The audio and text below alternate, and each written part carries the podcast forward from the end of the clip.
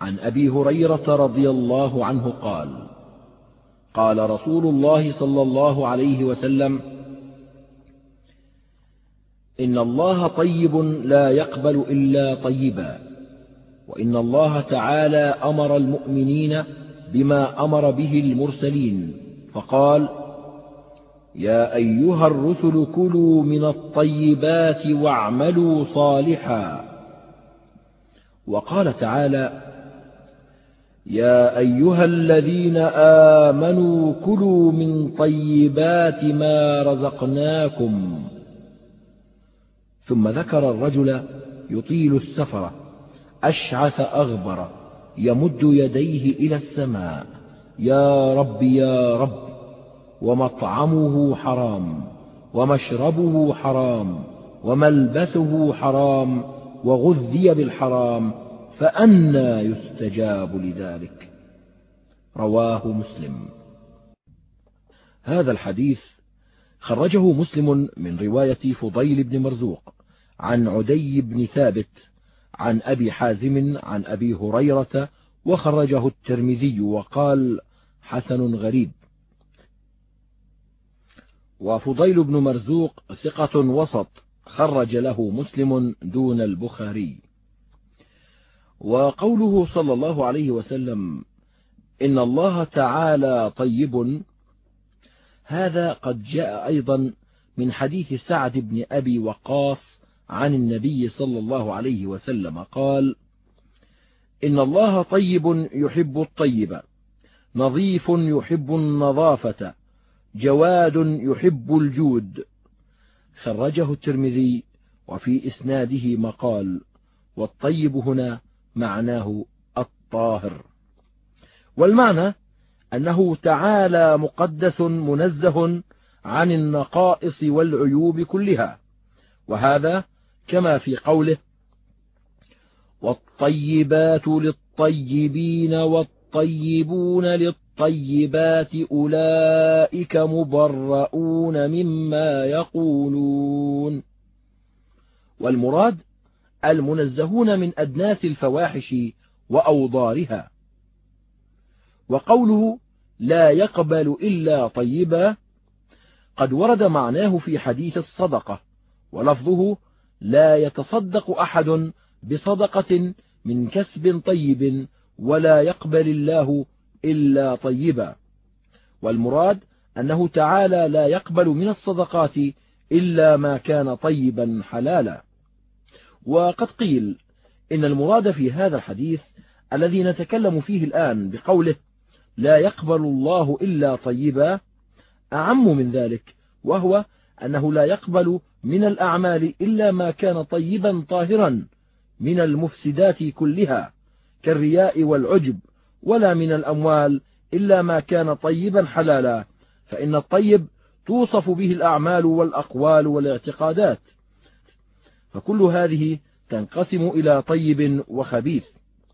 وقد قيل إنه يدخل في قوله تعالى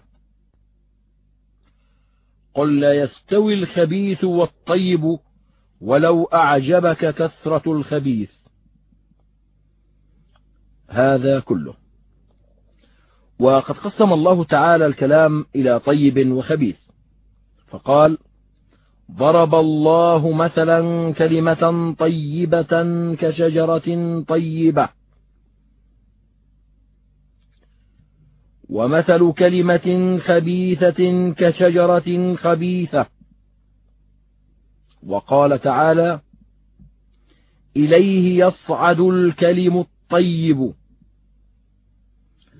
ووصف الرسول صلى الله عليه وسلم بأنه يحل الطيبات ويحرم الخبائث.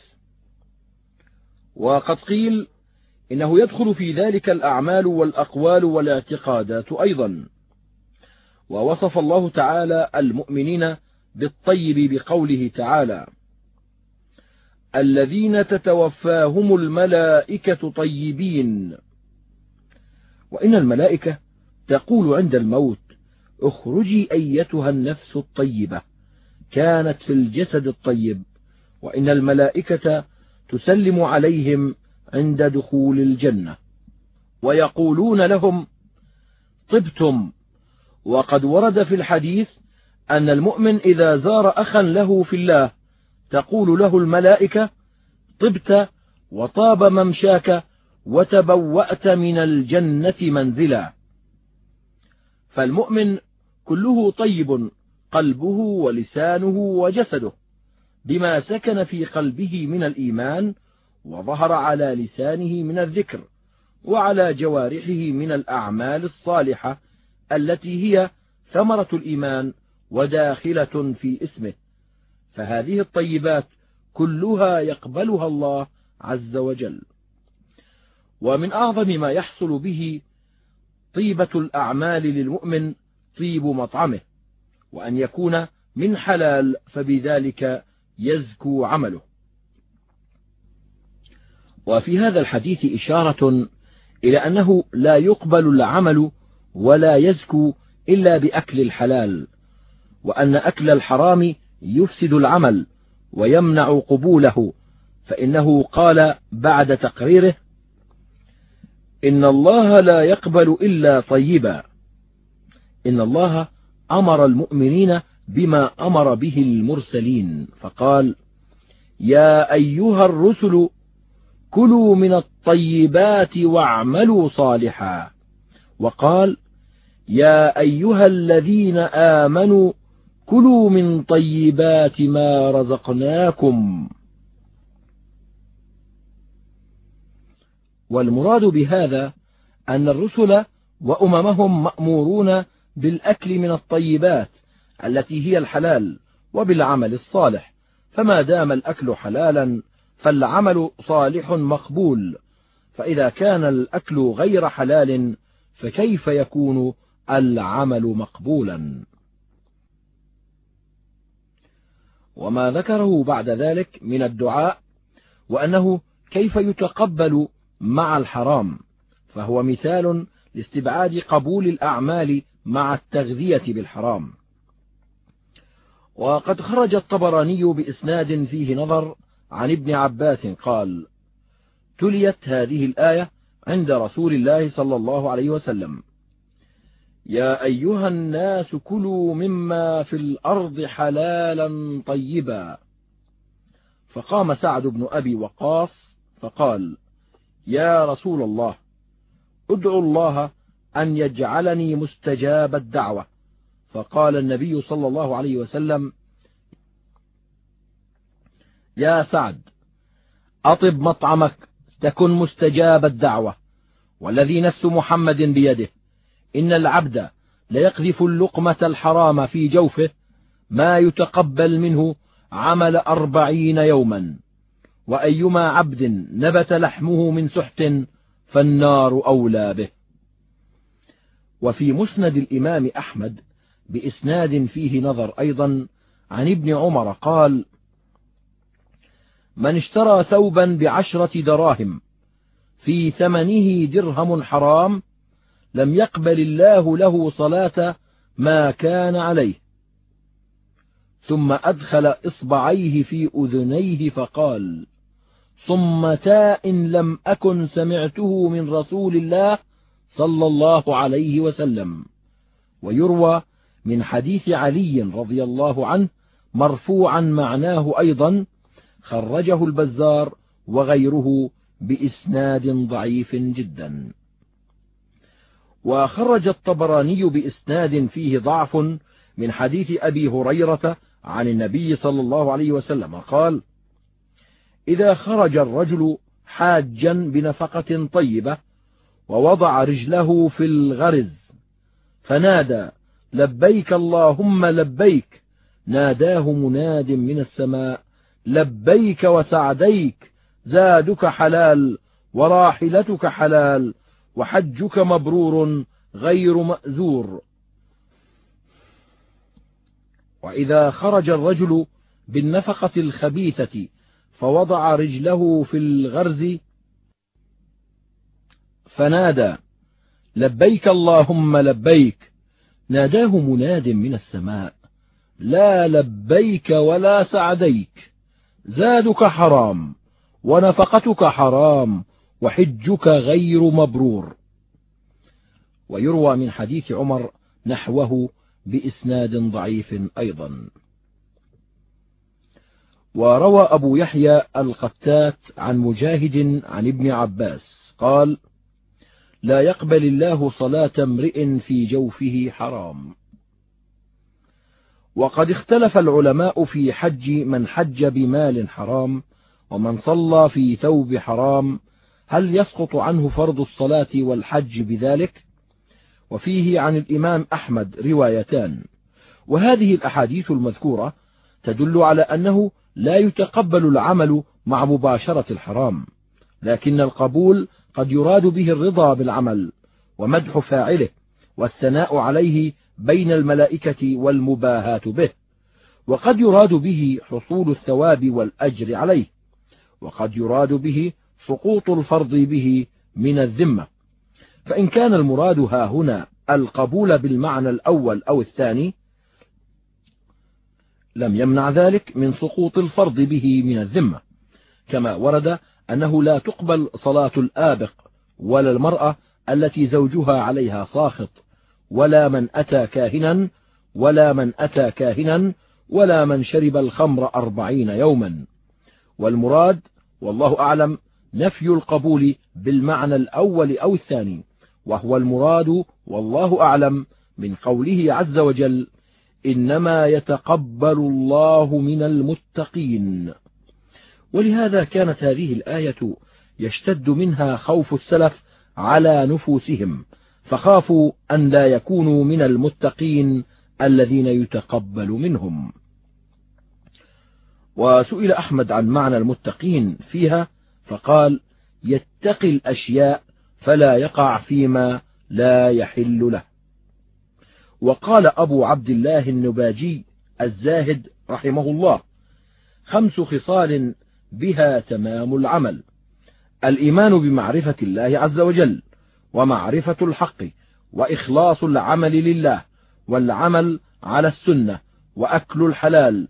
فإن فقدت واحدة لم يرتفع العمل وذلك أنك إذا عرفت الله عز وجل ولم تعرف الحق لم تنتفع. وإذا عرفت الحق ولم تعرف الله لم تنتفع.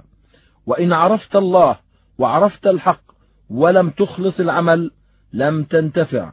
وإن عرفت الله وعرفت الحق وأخلصت العمل ولم يكن على السنة لم تنتفع.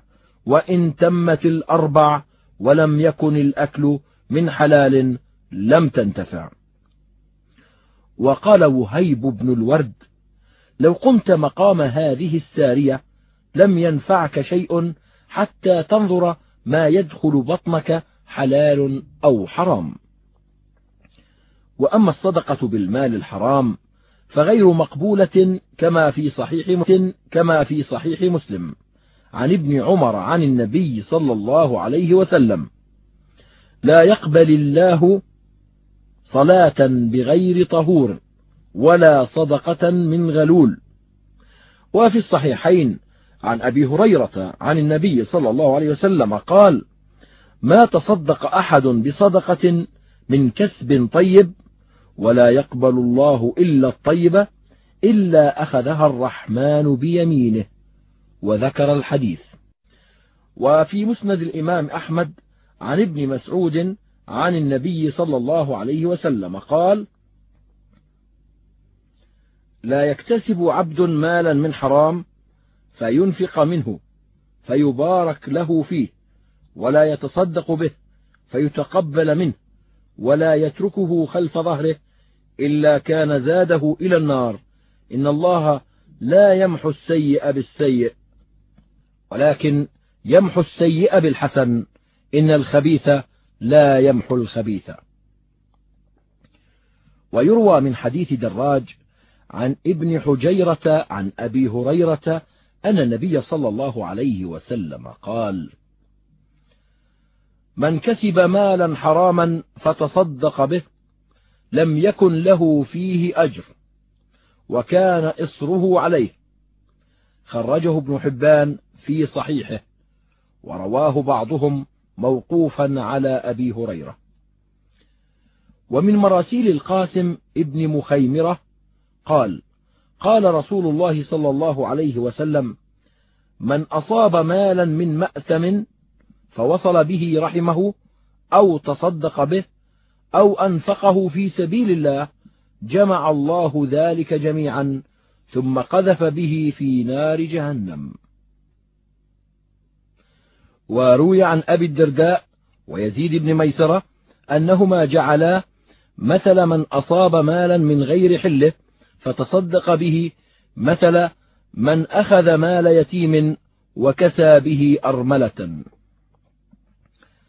وسئل ابن عباس عمن كان على عمل فكان يظلم ويأخذ الحرام ثم تاب فهو يحج ويعتق ويتصدق منه. فقال إن الخبيث لا يكفر الخبيث. وكذا قال ابن مسعود إن الخبيث لا يكفر الخبيث ولكن الطيب يكفر الخبيث. وقال الحسن أيها المتصدق على المسكين يرحمه ارحم من قد ظلمته واعلم أن الصدقة بالمال الحرام تقع على وجهين. أحدهما أن يتصدق به الخائن أو الغاصب ونحوهما عن نفسه.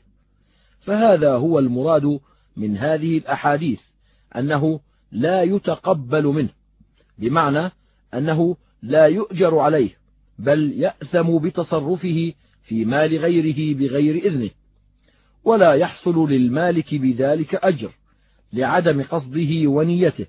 كذا قاله جماعة من العلماء منهم ابن عقيل من أصحابنا وفي كتاب عبد الرزاق من رواية زيد بن الأخنس الخزاعي أنه سأل سعيد بن المسيب قال وجدت لقطة أفأتصدق بها؟ قال لا تؤجر أنت ولا صاحبها. ولعل مراده إذا تصدق بها قبل تعريفها الواجب ولو أخذ السلطان أو بعض نوابه من بيت المال ما لا يستحقه فتصدق منه أو أعتق أو بنى به مسجدا أو غيره مما ينتفع به الناس. فالمنقول عن ابن عمر أنه كالغاصب إذا تصدق بما غصبه. كذلك قال لعبد الله بن عامر أمير البصرة وكان الناس قد اجتمعوا عنده في حال موته وهم يثنون عليه ببره وإحسانه وابن عمر ساكت فطلب منه أن يتكلم. فروى له حديث لا يقبل الله صدقة من غلول. ثم قال له وكنت على البصرة. وقال أسد بن موسى في كتاب الورع حدثنا الفضيل بن عياض عن منصور عن تميم بن سلمة قال قال ابن عامر لعبد الله بن عمر أرأيت هذا العقاب التي نسهلها والعيون التي نفجرها؟ ألنا فيها أجر؟ فقال ابن عمر أما علمت أن خبيثا لا يكفر خبيثا قط؟ حدثنا عبد الرحمن بن زياد عن أبي مليح عن ميمون بن مهران قال قال ابن عمر لابن عامر وقد سأله عن العتق مثلك مثل رجل سرق إبل حاج ثم جاهد بها في سبيل الله فانظر هل يقبل منه؟ وقد كان طائفة من أهل التشديد في الورع كطاووس ووهيب بن الورد. يتوقون الانتفاع بما أحدثه مثل هؤلاء الملوك. وأما الإمام أحمد رحمه الله فإنه رخص فيما فعلوه من المنافع العامة كالمساجد والقناطر والمصانع فإن هذه ينفق عليها من مال الفيء. اللهم إلا أن يتيقن أنهم فعلوا شيئا من ذلك بمال حرام كالمكوس والغصوب ونحوها. فحينئذ يتوقى الانتفاع بما عمل بالمال الحرام ولعل ابن عمر إنما أنكر عليهم أخذهم لأموال بيت المال لأنفسهم ودعواهم أن ما فعلوه منها بعد ذلك فهو صدقة منهم. فإن هذا شبيه بالغصوب وعلى مثل هذا يحمل إنكار من أنكر من العلماء على الملوك بنيان المساجد.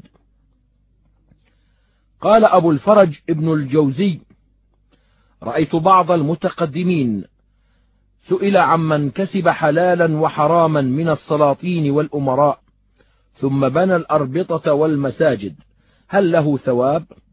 فأفتى بما يوجب طيب قلب المنفق وأن له في إيقاف ما لا يملكه نوع سمسرة لأنه لا يعرف أعيان المغصوبين فيرد عليهم. قال فقلت وعجبا من متصدرين للفتوى لا يعرفون أصول الشريعة ينبغي أن ينظر في حال هذا المنفق أولا فإن كان سلطانا فما يخرج من بيت المال. قد عرفت وجوه مصارفه فكيف يمنع مستحقيه؟ ويشغله بما لا يفيد من بناء مدرسة أو رباط. وإن كان من الأمراء ونواب السلاطين فيجب أن يرد ما يجب رده إلى بيت المال. وإن كان حراما أو غصبا فكل تصرف فيه حرام. والواجب رده على من أخذ منه أو ورثته. فإن لم يعرف رد إلى بيت المال يصرف في المصالح أو في الصدقة ولم يحظى آخذه بغير الإثم. انتهى. وإنما كلامه في السلاطين الذين عهدهم في وقته الذين يمنعون المستحقين من الفيء حقوقهم ويتصرفون فيه لأنفسهم تصرف الملاك ببناء ما ينسبونه إليهم. من مدارس وأربطة ونحوها مما قد لا يحتاج إليه ويخص به قوما دون قوم. فأما لو فرض إمام عادل يعطي الناس حقوقهم من الفيء ثم يبني لهم منه ما يحتاجون إليه من مسجد أو مدرسة أو مارستان ونحو ذلك كان ذلك جائزا. ولو كان بعض من يأخذ المال لنفسه من بيت المال بنى بما أخذه بناء محتاجا إليه في حال يجوز البناء فيه من بيت المال لكنه نسبه إلى نفسه فقد يتخرج على الخلاف في الغاصب إذا رد المال إلى المغصوب منه على وجه الصدقة والهبة هل يبرأ بذلك أم لا؟ وهذا كله إذا بني على قدر الحاجة من غير سرف ولا زخرفة. وقد أمر عمر بن عبد العزيز بترميم مسجد البصرة من مال بيت المال ونهاهم أن يتجاوزوا ما تصدع منه. وقال إني لم أجد للبنيان في مال الله حقا. وروي عنه أنه قال لا حاجة للمسلمين فيما أضر ببيت مالهم. واعلم أن من العلماء من جعل تصرف الغاصب ونحوه في مال غيره موقوفا على إجازة مالكه. فإن أجاز تصرفه فيه جاز. وقد حكى بعض أصحابنا رواية عن أحمد أن من أخرج زكاته من مال مغصوب ثم أجازه له المالك جاز وسقطت عنه الزكاة. وكذلك خرج ابن أبي موسى رواية عن أحمد أنه إذا أعتق عبد غيره عن نفسه ملتزما ضمانه في ماله ثم أجازه المالك جاز ونفذ عتقه وهو خلاف نص أحمد. وحكي عن حنفية أنه لو غصب شاة فذبحها لمتعته وقرانه ثم أجازها المالك أجزأت عنه. الوجه الثاني من تصرفات الغاصب في المال المغصوب. أن يتصدق به عن صاحبه إذا عجز عن رده إليه أو إلى ورثته. فهذا جائز عند أكثر العلماء منهم مالك وأبو حنيفة وأحمد وغيرهم. قال ابن عبد البر ذهب الزهري ومالك والثوري والأوزاعي والليث إلى أن الغال إذا تفرق أهل العسكر ولم يصل إليهم أنه يدفع إلى الإمام خمسه ويتصدق بالباقي. روي ذلك عن عبادة بن الصامت ومعاوية والحسن البصري وهو يشبه مذهب ابن مسعود وابن عباس لأنهما كانا يريان أن يتصدق بالمال الذي لا يعرف صاحبه. قال وقد أجمعوا في اللقطة على جواز الصدقة بها بعد التعريف وانقطاع صاحبها وجعلوه إذا جاء مخيرا بين الأجر والضمان وكذلك الغصوب انتهى. وروي عن مالك بن دينار قال سألت عطاء بن أبي رباح عمن عنده مال حرام ولا يعرف أربابه ويريد الخروج منه. قال يتصدق به ولا أقول إن ذلك يجزئ عنه. قال مالك كان هذا القول من عطاء أحب إلي من وزنه ذهبا. وقال سفيان في من اشترى من قوم شيئا مغصوبا يرده إليهم فإن لم يقدر عليهم تصدق به كله ولا يأخذ رأس ماله. وكذا قال في من باع شيئا ممن تكره معاملته لشبهة ماله. قال يتصدق بالثمن وخالفه ابن المبارك وقال يتصدق بالربح خاصة وقال أحمد يتصدق بالربح. وكذا قال في من ورث مالا من أبيه وكان أبوه يبيع ممن تكره معاملته أنه يتصدق منه بمقدار الربح ويأخذ الباقي. وقد روي عن طائفة من الصحابة نحو ذلك. منهم عمر بن الخطاب وعبد الله بن يزيد الأنصاري. والمشهور عن الشافعي رحمه الله في الأموال الحرام أنها تحفظ ولا يتصدق بها حتى يظهر مستحقها. وكان الفضيل بن عياض يرى أنه من عنده مال حرام لا يعرف أربابه أنه يتلفه ويلقيه في البحر. ولا يتصدق به. وقال لا يتقرب إلى الله إلا بالطيب والصحيح الصدقة به لأنه إتلاف المال وإضاعته منهي عنه وإرصاده أبدا تعريض له للإتلاف واستيلاء الظلمة عليه والصدقة به ليست عن مكتسبه حتى يكون تقربا منه بالخبيث وإنما هي صدقة عن مالكه ليكون نفعه له في الآخرة حيث يتعذر عليه الانتفاع به في الدنيا. وقوله ثم ذكر الرجل يطيل السفر أشعث أغبر يمد يديه إلى السماء يا رب يا رب ومطعمه حرام ومشربه حرام وملبسه حرام وغذي بالحرام فأنى يستجاب لذلك. هذا الكلام أشار فيه صلى الله عليه وسلم إلى آداب الدعاء وإلى الأسباب التي تقتضي إجابته وإلى من يمنع من إجابته فذكر من الأسباب التي تقتضي إجابة الدعاء أربعة. أحدها إطالة السفر والسفر بمجرده يقتضي إجابة الدعاء كما في حديث أبي هريرة عن النبي صلى الله عليه وسلم ثلاث دعوات مستجابات لا شك فيهن دعوة المظلوم ودعوة المسافر ودعوة الوالد لولده. خرجه أبو ب داود وابن ماجه والترمذي وعنده دعوة الوالد على ولده. وروي مثله عن ابن مسعود من قوله ومتى طال السفر كان أقرب إلى إجابة الدعاء لأنه مظنة حصول انكسار النفس بطول الغربة عن الأوطان وتحمل المشاق والانكسار من أعظم أسباب إجابة الدعاء. والثاني حصول التبذل في اللباس والهيئة بالشعث والإغبرار وهو أيضا من المقتضيات لإجابة الدعاء. كما في الحديث المشهور عن النبي صلى الله عليه وسلم رب أشعث أغبر ذي طمرين مدفوع بالأبواب لو أقسم على الله لأبره. ولما خرج النبي صلى الله عليه وسلم للاستسقاء خرج متبذلا متواضعا متضرعا. وكان مطرف ابن عبد الله قد حبس له ابن أخ فلبس خلقان ثيابه وأخذ عكازا بيده فقيل له ما هذا؟ قال أستكين لربي لعله أن يشفعني في ابن أخي.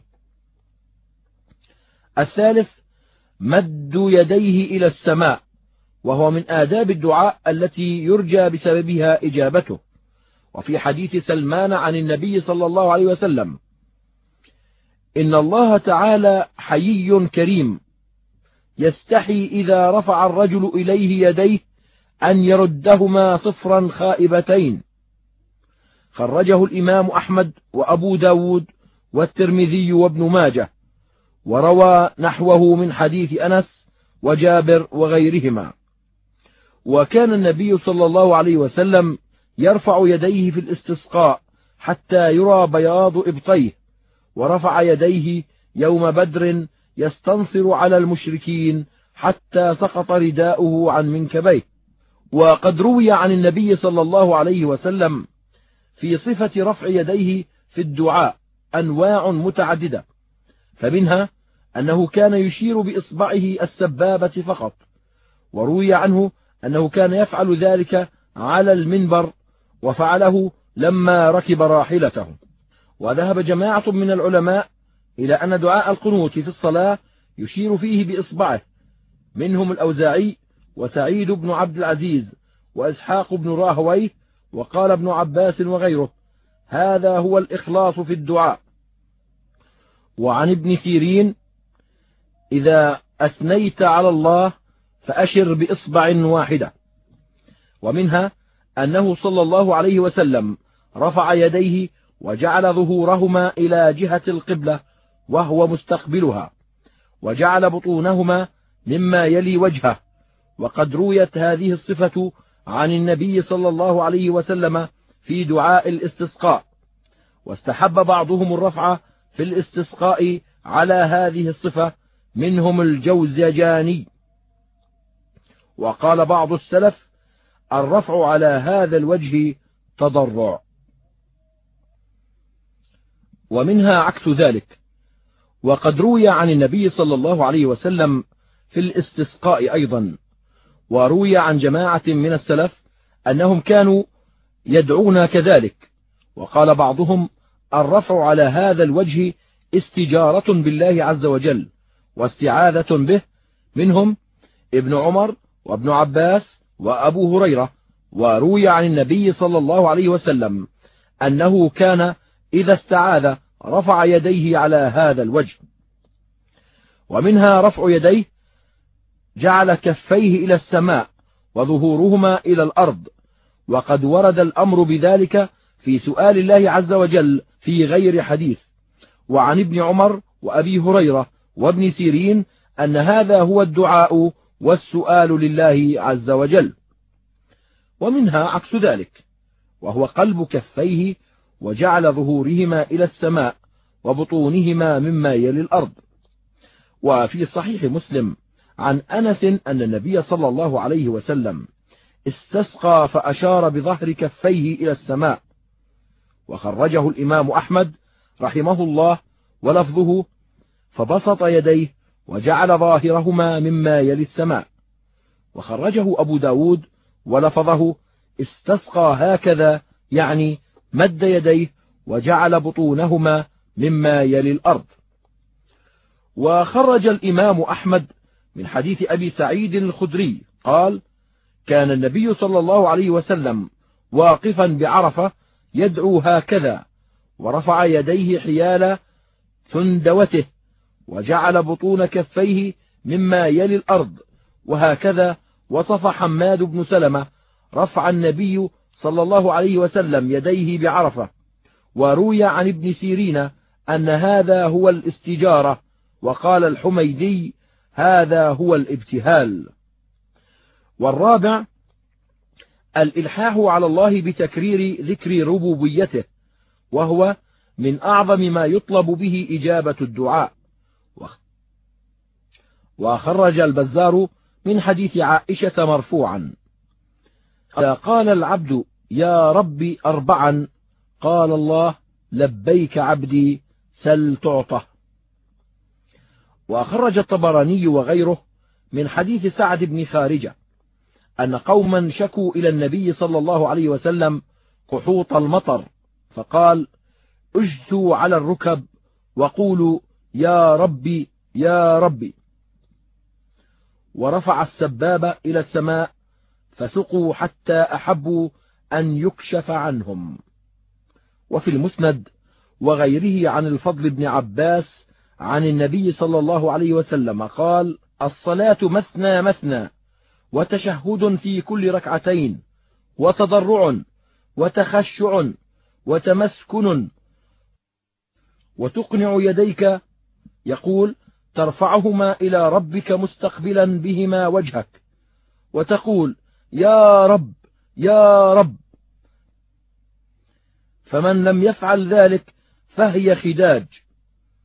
وقال يزيد الرقاشي عن أنس ما من عبد يقول يا رب يا رب يا رب إلا قال له ربه لبيك لبيك.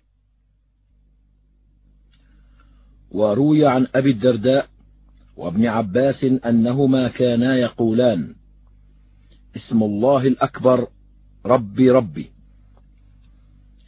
وعن عطاء قال ما قال عبد يا رب يا رب ثلاث مرات إلا نظر الله إليه. فذكر ذلك للحسن فقال أما تقرؤون القرآن ثم تلا قوله تعالى الذين يذكرون الله قياما وقعودا وعلى جنوبهم ويتفكرون في خلق السماوات والأرض ربنا ما خلقت هذا باطلا سبحانك فقنا عذاب النار ربنا إنك من تدخل النار فقد أخزيته وما للظالمين من أنصار. ربنا إننا سمعنا مناديا ينادي للإيمان أن آمنوا بربكم فآمنا. ربنا فاغفر لنا ذنوبنا وكفر عنا سيئاتنا وتوفنا مع الأبرار. ربنا وآتنا ما وعدتنا على رسلك ولا تخزنا يوم القيامة إنك لا تخلف الميعاد. فاستجاب لهم ربهم أني لا أضيع عمل عامل منكم. ومن تأمل الأدعية المذكورة في القرآن وجدها غالبا تفتتح باسم الرب كقوله تعالى ربنا آتنا في الدنيا حسنة وفي الآخرة حسنة وقنا عذاب النار. ربنا لا تؤاخذنا إن نسينا أو أخطأنا.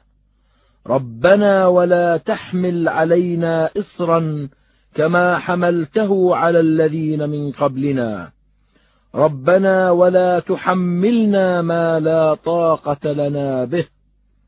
وقوله ربنا لا تزغ قلوبنا بعد إذ هديتنا. ومثل هذا في القرآن كثير.